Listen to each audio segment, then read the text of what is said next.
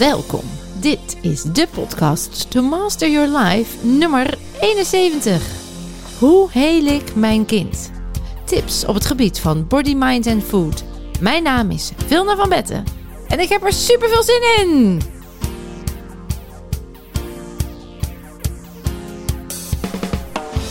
Hallo dames en mensen en misschien wel kinderen als je nu ook zit te luisteren en je bent van een wat jongere leeftijd. Want vandaag gaat het over kinderen. Ik krijg echt heel vaak mails van ouders die zeggen: Hoe kan ik mijn kind helen? Wat kan ik doen bij mijn kind als ze zich niet goed voelen? Heb je daar tips voor? En ik dacht: Hoe mooi is dat om daar eens een podcast over te houden. Ik heb een uh, e-mailtje gekregen van Kim. En Kim die stelde de volgende vraag: Hoe kan ik mijn zoon van negen helpen over iets wat hij zelf niet weet, maar wel heeft meegemaakt in zijn jongere jaren?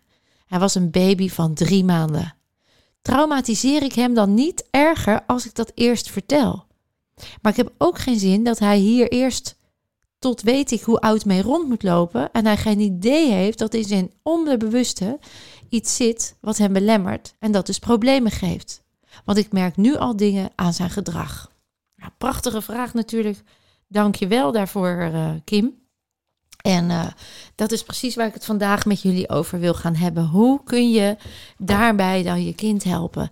Laat ik je even meenemen over het feit dat er dus kennelijk trauma's, ik noem ze altijd freezes, kunnen zitten bij ook al heel jonge kinderen.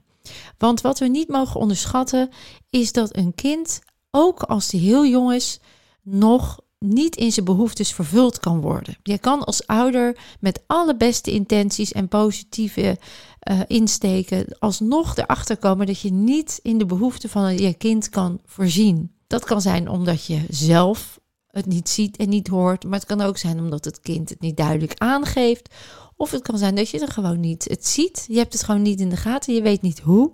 Dus je doet binnen jouw vermogen met de kennis die je hebt ook nu, wat jij als ouder zelf hebt geleerd van jouw ouders. En zo kunnen dus dingen generaties lang doorgaan. Laten we even teruggaan naar het kind. Een bewustzijn waarin het kind geboren wordt, is in principe nog helemaal heel. Dus het kind is nog helemaal ongeschonden. Als je het neurologisch zou bekijken, dan zie je dat er allemaal neuronen, zenuwcellen liggen die nog met elkaar kunnen verbinden. Bij alles wat ze nog leren, wat ze nog meemaken in hun leven, worden daar zenuwcellen met elkaar verbonden. Dat legt een neuronenpad aan. En als dat herhaalt en verder door eh, bevestigd wordt, dan wordt dat een sterk neuronenteam waar allerlei verbindingen bij komen die ermee te maken hebben. En op een gegeven moment wordt dat gedrag onbewust bekwaam. Nou, dat betekent dat uh, je op die manier leert lopen, leert fietsen, je gaat leren eten. Allerlei manieren leer je aan op, op specifieke dingen jezelf ja, rijker te maken, te ontwikkelen. Wij zijn ook het enige zoogdier dat 26 jaar nodig heeft, het brein, om uit te ontwikkelen. Dus omdat wij zo klein geboren worden, hebben we nog heel veel te ontwikkelen. En daartoe staat jouw brein de eerste zeven jaar in alfa-staat. Een alfa-staat is eigenlijk de staat van ja, ultieme alertheid, maar ook ontspanning. Het is de superleerstaat, omdat daar de beide hersenhelften het best met elkaar communiceren en samenwerken. Het is de staat waarin de hersengolven tussen de 7 en de 14 megahertz bewegen, waardoor je ontvankelijk bent voor alles wat je leert en wat je aangeboden krijgt. We noemen het ook wel de poort naar het onbewuste. Dat is heel slim van de natuur dat hij die eerste zeven jaar jouw brein in die alfa-staat laat staan. Want omdat je nog zo ja, niet ontwikkeld ter wereld komt en nog zoveel nieuwe dingen moet leren, is natuurlijk super handig dat alles wat je dan aangeboden krijgt, ook als een waarheid, in jouw systeem terechtkomt. Nou, als kind heb je eigenlijk gewoon uh, liefde en aandacht nodig. Je wil gezien worden, je wil gehoord worden, je wil erkenning voor je gevoel, je wil je gevoelens leren uiten. En als baby doe je dat eigenlijk ook gewoon. Als jij moet eten, dan huil je. Als je blij bent, dan lach je.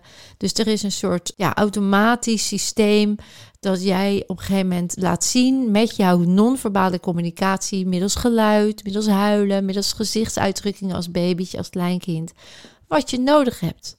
En je weet als ouder ook precies, oh ja, dit huiltje is omdat er een, eh, een tandje doorkomt. Dit huiltje is omdat er mijn baby honger heeft. Dit huiltje is omdat er een poepluier is. Dus op een gegeven moment komt daar ook een soort Pavlov van dat een kind weet, oké, als ik dus op die manier me gedraag of op die manier huil of op die manier lach, dan komt er een reactie, een beloningssysteem. Nou, dat is natuurlijk belangrijk gegeven ook in hoe je emoties doet. Dus een emotioneel patroon, uh, hoe je pijnpatronen ontwikkelt, hoe je, nou ja, eigenlijk al je patronen en programma's die in je brein liggen, die heb je herhaald, heb je bevestigd gekregen en die voer je uit. Als jij niet in je persoonlijke behoeften wordt voorzien, dus stel uh, je ligt in je kamertje als baby te huilen en je moeder of vader hoort je niet en je blijft huilen, dan wordt er dus niet gereageerd op jouw huil. En dan zul je dus een automatische verbinding leggen in je brein. Ik voldoen niet of ik word niet gezien, ik word niet gehoord. En dan zou je kunnen zeggen dat je dus niet in de behoeften die jij aangeeft wordt voorzien. En met in behoefte voorzien bedoel ik niet dat je altijd in alles je kind moet faciliteren. Dat als ze zeggen ik wil een Barbie, dat je dat meteen geeft. Nee, ik heb het over de basisbehoeften, liefde en aandacht. En het begrip en de erkenning van iemand dat die mag zijn. Dus je hoeft iemand niet te pamperen of te verwennen. Nee, iemand mag zijn en krijgt op het moment dat hij het aangeeft een stukje begrip en erkenning. Zonder dat je daar uh, in meegaat of gelijk geeft. Maar je laat even de, de emotie zijn en je geeft ze een, een reactie. Nou, op het moment dat zo'n kind dus niet gezien of gehoord uh, wordt, dan kan het zijn dat een kind dus uh, ja, in een afweersysteem schiet. Een afweersysteem is eigenlijk bedoeld om zichzelf te beschermen. Dus ineens wordt dat bewustzijn waarin ze nog heel zijn, waarin ze compleet zijn, waarin ze nog helemaal volwaardig zijn en nog vol zelfacceptatie. Ja, dat, dat, dat splitst zich op in delen. En een deel bijvoorbeeld, ik voldoen niet en ik, be, ja, ik, ik word niet gehoord of niet gezien. Dat, uh, ja, dat verdwijnt, zeg maar. Uh, een beetje wordt aan de kant geschoven. Dus ik ben waardevol, is ineens gesplitst. En um, nou ja, dan zou je kunnen zeggen dat je bewustzijn dus ja, vervuild raakt met allemaal kleine deeltjes, waardoor het opsplitst. Dus je ziet dat er eigenlijk een soort uh, de heelheid verdwijnt. Nou, en als de heelheid verdwijnt, dan maakt het ook dat jij als kind uh, letterlijk een ander bewustzijn krijgt. Dus je gaat jezelf beschermen. Je gaat dat deel wat zo pijnlijk was, wat je dus verstopt hebt, dat ga je beschermen. Daar zet je een soort muur tussen, letterlijk. Dus als je zou zien, je hebt een grote ronde taart. En die taart die is compleet als je geboren wordt. En ineens zit er een snee in die taart. En tussen dat deel wat gesneden is en het grotere deel, daar komt een soort, ja, daar bouw je een soort muur op. Je gaat niet meer naar dat andere deel van, dat, van die taart toe, die achter die snee ligt. En dan gebeurt eigenlijk iets bijzonders. Een kind zal zich dan gaan beschermen. En je hebt allerlei soorten afweermechanismen. De een gaat overcompenseren, de ander gaat het vermijden. De volgende die gaat uh, zich helemaal apathisch, hè, die reageert gewoon helemaal niet. Een beetje de fight, flight, freeze. En er komt een gedachte bij, en dat noemen we persoonlijke afweer, waarin je uh, als kind dus dan bedenkt, dus je verliest de referentie met jezelf, want je hebt een deel van jezelf ben je kwijt. Je verliest dus de referentie met je heelheid. Je kan dus niet meer op jezelf helemaal vertrouwen. En je gaat dus ineens je referentie buiten jezelf zoeken. Dus je gaat je gedrag afmeten aan hoe anderen reageren. En daarmee verlies je dus jezelf iedere keer weer een beetje.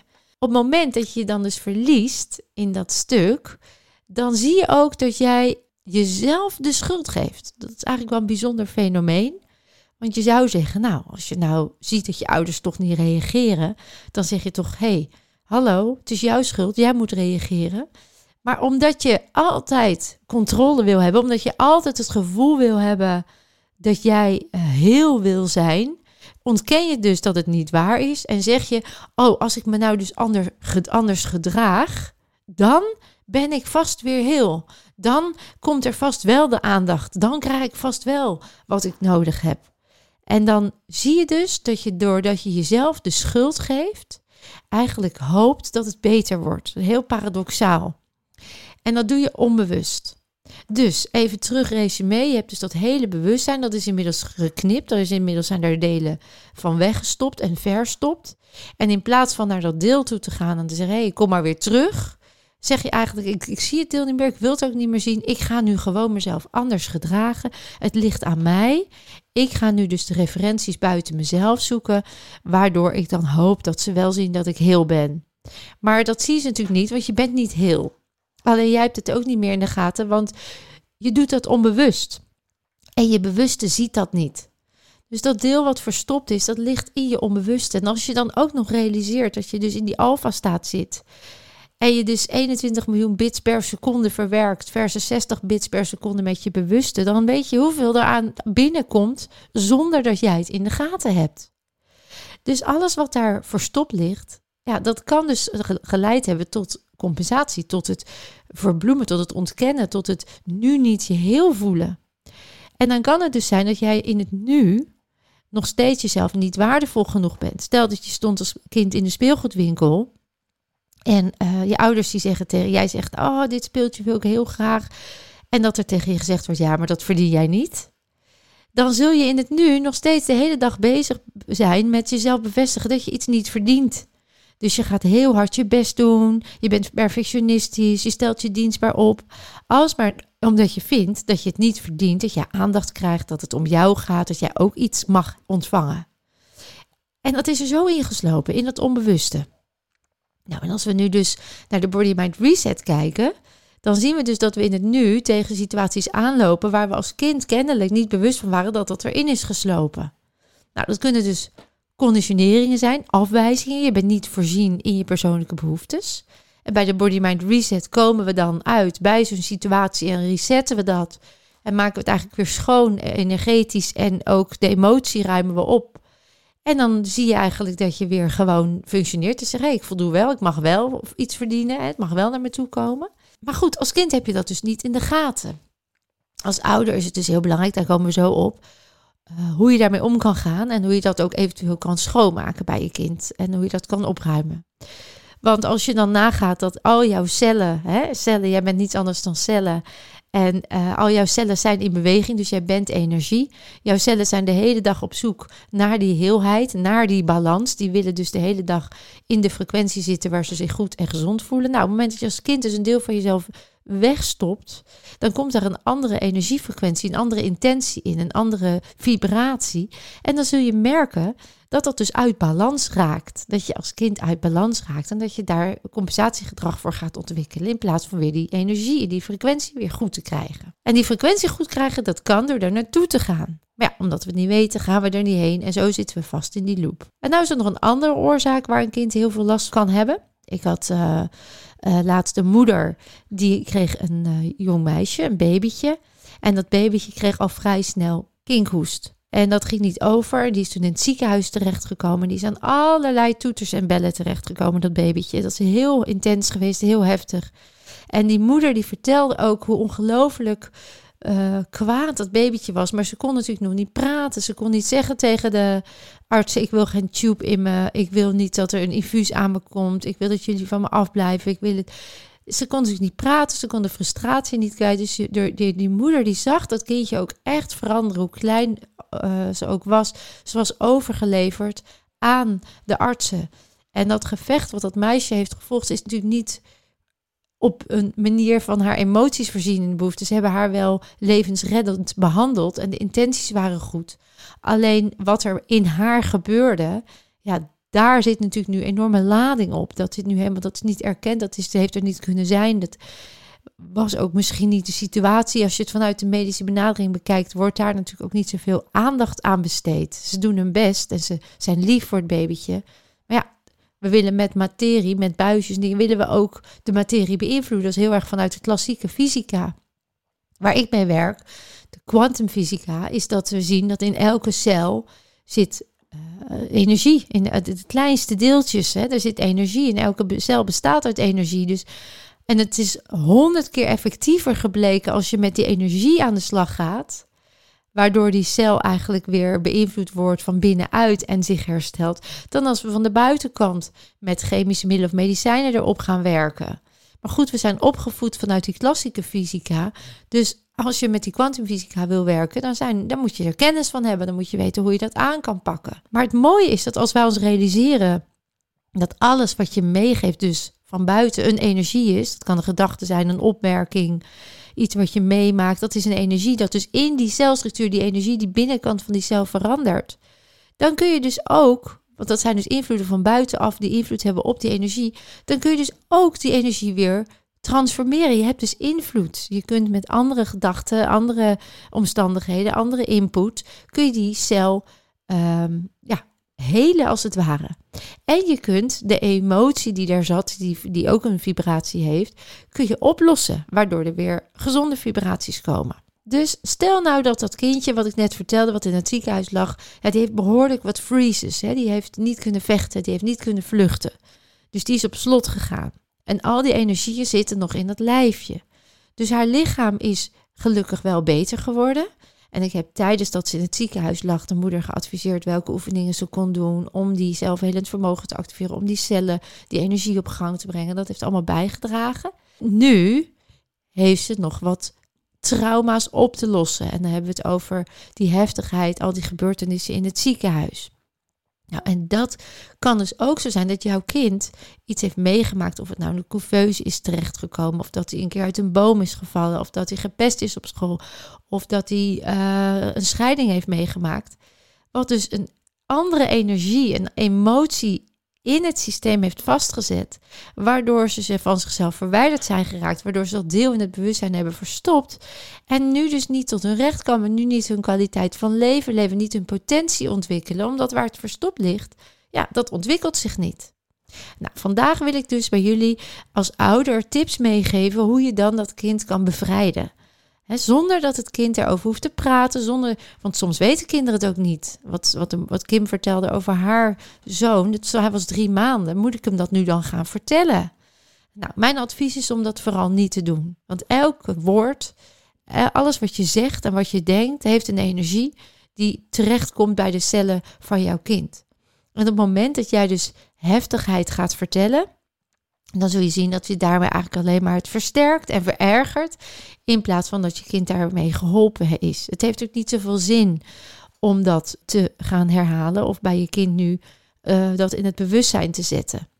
Wat je wel kan doen, is het kind herkennen, erkennen en dan kun je er ook naar handelen. Wat je kan doen is vanaf met die energie gaan werken en dan de, de energie in die cel waar dat trauma ligt, uh, gaan veranderen. En dat doe je door rechtstreeks die energie aan te spreken. Want je onbewuste weet precies waar wat verkeerd ligt. En je onbewuste die communiceert met je bewuste en dan die geeft af en toe informatie door aan jouw bewuste, waardoor jij de, op de juiste momenten de juiste dingen doet. Nou, op het moment dat dat dus vast ligt, kan die informatie niet doorgegeven worden en lost het dus niet op. Kan het niet verwerkt worden. Toch weet je onbewuste, die heeft celgeheugen heel goed. Die weet al die herinneringen die daar liggen, die liggen daar gewoon opgeslagen. Niet in tijd, niet in ruimte, maar die liggen daar in dat celgeheugen. Op het moment dat jij als ouder specifiek met je kind op dat moment aan de slag gaat, zal je onbewuste precies weten waar het over gaat, zonder dat jij specifiek benoemt waar het over gaat.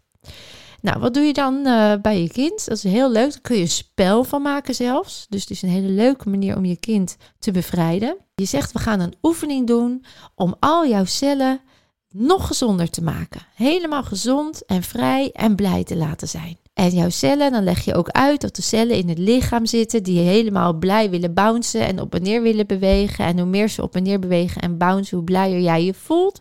Dus wat kun je doen om jezelf goed te voelen? En dan doe je met je kind de dagelijkse oefening. Dus je zorgt eerst dat al die energiebanen, al die stromen in je lichaam weer optimaal communiceren met elkaar. En ook de hersenhelften met elkaar samen communiceren. Zodat de voorwaarden om te bevrijden, om te helen, eigenlijk gedaan zijn. Nou, die dagelijkse oefening, die kun je zien op mijn YouTube-kanaal bij filna.nl. Maar ik loop nu even ook met je door. Dus je zegt, we gaan je cellen wakker kloppen. En dat doe je dus door uh, onder bij je sleutelbeen, aan de uh, midden van je, ja, zeg maar net naast je, ja, hoe noem je dat, onderaan je strottenhoofd. Bij, onder je sleutelbeen, daar bij die kuiltjes, daar tap je dan met je handen. En dan zeg je, nou, we maken lekker al je cellen wakker. We maken ze allemaal wakker. En dan doe je tussen de borst, klop je in het midden bij het borstbeen. Zeg je net als Tarzan, die ah, ah, roept. En dan doe je dus nooit Tarzan even na. Dan zeg je, daarbij maakt hij zichzelf sterk en krachtig. En daar zorgt hij voor dat hij lekker wakker en alert is. En dan onder de borst Alsof je wil zeggen, hey, word eens even helemaal wakker, borst. Mijn hart die daar zit en mijn longen die daar zitten, die mogen ook wakker worden, zodat ze zich goed hun werk kunnen doen.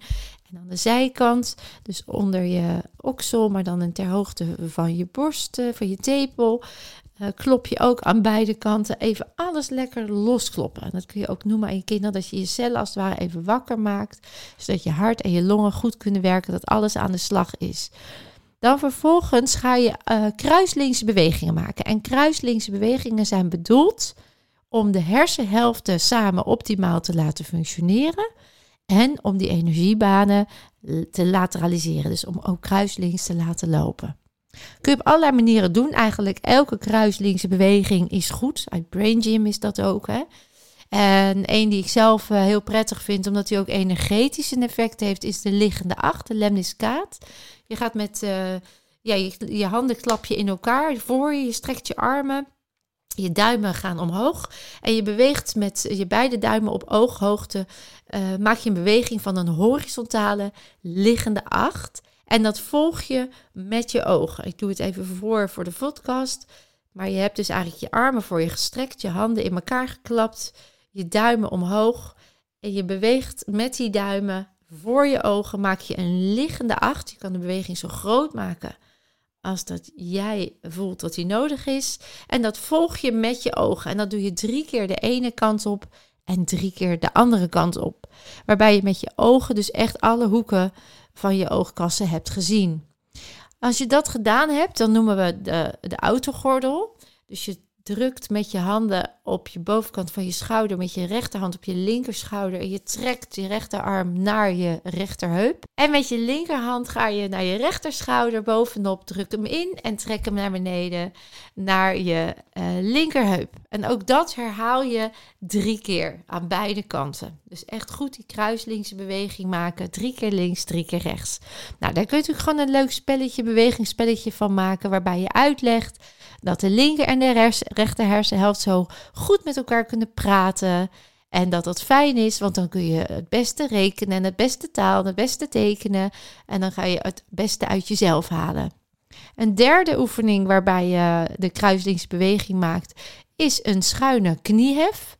Dus met je rechter elleboog naar je linkerknie en met je linker elleboog naar je rechterknie. En dan kan je natuurlijk nog een leuk wedstrijdje mee maken. Dat je zegt, kijken wie het snelst het kan. Ehm, en hoe vaak kunnen we in 30 seconden. En het is ongeveer de bedoeling dat je dat minimaal 20 keer doet. Nou, over het algemeen vinden kinderen dat gewoon al, al heel erg leuk om te doen. Gewoon lekker actief bezig zijn en ondertussen gaat dat hele lichaam wordt positief beïnvloed. Dan, als je dat gedaan hebt, dan hebben we eigenlijk al de energiepunten opgeladen, de stroom weer op gang gebracht en de hersenhelften en de energieveld goed neergezet. Dan uh, kun je nog eventueel, als je dat fijn vindt, kun je ze leren om in hun eigen energie te blijven. En dat kunnen ze doen door zich te, voor te stellen dat ze in een ballon zitten of in een kokon die hun beschermt. En dan mogen ze zelf bedenken hoe hun beschermingslaag er dan uitziet. Dat ze nog wel naar buiten kunnen kijken, maar dat alles van buiten wat niet fijn is, buiten blijft. Dat het afgebounced wordt. Je kan het zo creatief maken als je zelf wil. Je kan het nieuwste van het nieuwste materiaal neerzetten. Je kan ze het helemaal laten visualiseren, laten benoemen. Hoe meer ze in de verbeelding stappen, hoe meer het ook uitgevoerd wordt in het brein, neurochemisch, maar ook energetisch. En laat ze echt hem sterk maken. En laat ze ook dan die kokon verbinden via de kruin met een onuitputtelijke straal van krachtenergie. Dan mogen ze zelf bedenken waar die krachtenergie dan vandaan komt en hoe die heet. En misschien hebben ze wel een superheld waar ze het aan willen linken. Kortom, stap in de verbeelding en zorg dat jouw kind ook helemaal meegaat in die fantasie van die visualisatie, wat allemaal mooie processen in je lichaam op gang brengt. En zorg dat hun voeten geaard zijn. Dus zorg dat er uit hun voeten dikke, grote, sterke boomwortels zo de aarde ingaan. En ook daar stappen de verbeelding. Dus het gaat door, de, door het laminaat en dan gaat het helemaal door het cement. Dan gaat het helemaal door het zand en de klei en de leem en de turf. Helemaal naar het midden van de aarde. En daar zit dan een grote vuurbal. En die zorgt ervoor dat alles wat in jouw lichaam zit, wat niet fijn is, gaat zo via die wortels naar beneden. En in die vuurbal wordt het omgesmolten tot liefde. En die liefde die komt via die wortels weer bij jou omhoog en kracht. En zo kun je heel die fantasie van die kinderen, dan mogen ze zelf meedenken, zelf meedoen. Activeer het maar. Slaat ze in die verbeelding stappen dat ze in die krachtballon zitten. En die krachtballon is altijd bij hun en dat is hun kracht. Nou, op dat moment ben je eigenlijk klaar voor een transformatie. De kinderen zijn voorbereid. Je hebt een leuk uh, actieve interactie gehad. En nu zeg je: Ik neem je mee op reis. We gaan op reis. En ze mogen meedoen in het fantasieverhaal. Er is geen kind die dat niet leuk vindt. Je laat ze meegaan in het fantasieverhaal. En dan zeg je: Stel je voor dat jij met een space shuttle of een voertuig die ze dan zelf bedenken, helemaal gaan naar een plek op jouw tijdlijn van jouw leven waar jij dingen hebt meegemaakt die misschien helemaal niet zo leuk waren voor jou en voor je lichaam. Misschien weet je niet eens meer dat dat er is geweest, maar stel je voor dat we een soort grote schoonmaak kunnen houden. Alsof je een kamer voor je ziet waar allemaal rotzooi ligt en jij mag met een machine die je zelf uitkiest al die rotzooi opruimen. We gaan naar die specifieke momenten waar de meeste rotzooi in je kamer is gekomen. En dan laat je ze, mogen visualiseren dat ze in die kamer zitten. Ze mogen visualiseren dat, dat het een, een tijdlijn is of een landingsbaan. Of het maakt niet uit. Het gaat erom dat het onbewuste nu aangezet wordt naar plekken in hun lichaam waar het ooit niet fijn is geweest. Dus ze hoeven niet eens te bedenken wanneer dat was, wat het was, hoe het is gebeurd. Vertrouw er maar op dat op het moment dat je die fantasie ingaat, je automatisch richting dat onbewuste gaat. En zij dus via die alfa staat, want die activeer je daarmee, in dat onbewuste terechtkomen. En dat kun je ook benoemen van misschien zie je het niet, misschien weet je het niet, maar vertrouw maar dat jij al lang nu alles bij elkaar hebt, al die momenten. En dan laat je ze dat opstapelen op een grote uh, stapel. En dan zeg je eigenlijk had je daar iets te leren wat je nog niet zag. Want je mocht namelijk daar sterk blijven. We maken allemaal dingen mee die niet leuk zijn, maar je mocht daar sterk blijven. En wat zou je nu doen om daar sterk te blijven? Wat heb je dan nodig? En dan zeggen ze vaak, nou dan heb ik een zwaard nodig of dan heb ik een, uh, Superman nodig. Of, en dan komen ze met allemaal creatieve ideeën om dat kwaad aan te gaan. En dan zeg je, nou stel je maar voor dat je al die, dat zwaard en die Superman, dat dat allemaal nu bij jou is in die ballon die jou extra kracht geeft. En zie maar dat daarmee al het nare vanzelf uit jouw systeem, uit jouw ballon verdwijnt. Haal het maar weg. Haal het maar weg, veeg het maar schoon. En, en, en dat moet dan wel vanuit gezelligheid. Dus het is niet zo dat ze boos moeten worden of dat ze kwaad of dat ze het gevecht aan moeten gaan. Gewoon van nee hoor, fijn dat je dat nu hebt en maak het maar schoon. En als ze dat dan gedaan hebben, lekker opgeruimd, je hebt het uitgegumd, je hebt het weggeveegd, je hebt het schoongemaakt, je hebt er machine voor gebruikt, je hebt er hulpbronnen bij gebruikt, dan moet je echt even laten checken of het helemaal schoon is nu, of het al die rotzooi uit die kamer is, of dat plekje, al die plekjes op die lijn helemaal schoon zijn. En dan zeg je, oké, dan gaan we nu kruisling staan. En dan mogen ze met hun voeten kruisen en hun handen kruisen. En dan zeg je, al die kracht die jij nu in je hebt, die gaan we nog sterker neerzetten. En terwijl ze dan met hun ogen van boven naar links heen en weer bewegen, mogen ze hardop zeggen wat zij willen voor zichzelf. Alsof het al zo is. Dus ik ben krachtig, ik ben sterk, ik hou nare energieën bij me. Alle oude nare energieën zijn uit mij. Ik ben vol zelfliefde. Ik hou van mezelf. Ik vind mezelf prachtig. Kortom, bekrachtigende affirmaties die zorgen dat die energie in die cel weer omhoog gaat. Die het dus weer versterkt. Die zorgt dat weer die balans hersteld wordt. Waar het verstoord was en het niet meer zelf kon herstellen doordat de trauma of die nare gebeurtenissen er overheen lagen. Ja, die heb je opgeruimd, die, die vuiligheid. Dus er is weer ruimte voor die cellen om die goede energie te activeren. En dat doe je dus middels dat energieveld kruislinks neer te zetten. Hè. Optimaliseer je die communicatie, die stroom. En dan erin te stoppen wat zo wel zo fijn is om in die cellen aanwezig te zijn. Nou, dit kun je natuurlijk ook bij jezelf doen. Maar als je dit spelenderwijs met een kind doet en je leert ze die dagelijkse oefeningetjes toepassen, dan zul je echt zien dat je ook bij je kind al heel veel opruimt, waar ze, daar zullen ze daar later geen last van krijgen. En ze leren al naar zichzelf, met zichzelf aan de slag te gaan, naar zichzelf te luisteren. Ze gaan dingen voelen. Dus je leert ze naar binnen gaan, waar altijd de oplossing ligt en niet erbuiten. Nou, en als je dan klaar bent, dan laat je ze dichtritsen. En dat is een beweging met vanaf de onderkant van je schaambeen. Trek je een rechte lijn met twee handen omhoog tot aan je voorhoofd. En dan laat je met de handen naar de zijkant naar beneden weer de kokon weer sluiten. Dan ritsen ze zichzelf dicht en dan zijn ze dus helemaal weer ja, uh, in hun eigen stuk. Dus alles is weer helemaal afgesloten. En dan gaan ze weer lekker verder met wat ze aan het doen zijn. En ik adviseer ouders ook om kinderen als ze ze naar school brengen of naar de peuterschool, altijd even als ze aankomen dicht te ritsen. Vaak doe je het jasje uit, dus dan gaat de rits naar beneden. Dan gaat de energie van de kinderen ook. Dan zijn ze heel erg open en pakken ze veel te veel prikkels op. Maar als jij ze al leert in die kokon te stappen en dicht te ritsen, dan en dan die kruislingse oefeningen te doen, dan zijn ze en afgesloten voor energie van buiten. En ze houden hun eigen energie, ze blijven bij zichzelf en ze, ja, ze presteren beter, want de hersenhelften werken beter samen. Super eenvoudig, super leuk. Kinderen vinden het ook heerlijk om te doen. Als je juffrouw bent en je hebt deze podcast geluisterd, integreer het in je onderwijsaanbod. Want het is echt waanzinnig helpvol. Als laatste tip geef ik je mee dat uh, meditaties ook fantastisch zijn voor kinderen. Ook de binaural beats, die zorgen dat die hersengolven automatisch in de juiste stand komen.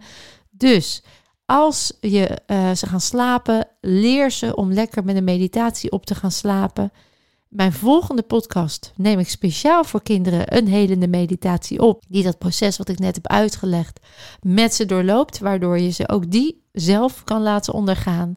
En werk je met kinderen, ja, zet dan af en toe ook meditaties op in de klas. Deze podcast is echt bedoeld om de toekomst wat mooier en gezonder te krijgen. Want als jij nu al met kinderen op deze manier aan de slag gaat, dan wordt de wereld echt een beetje mooier. Ik wil je weer bedanken voor het luisteren. Wil je meer informatie? Kijk gerust op www.vilna.nl. En je weet het, jij kunt meer dan je denkt.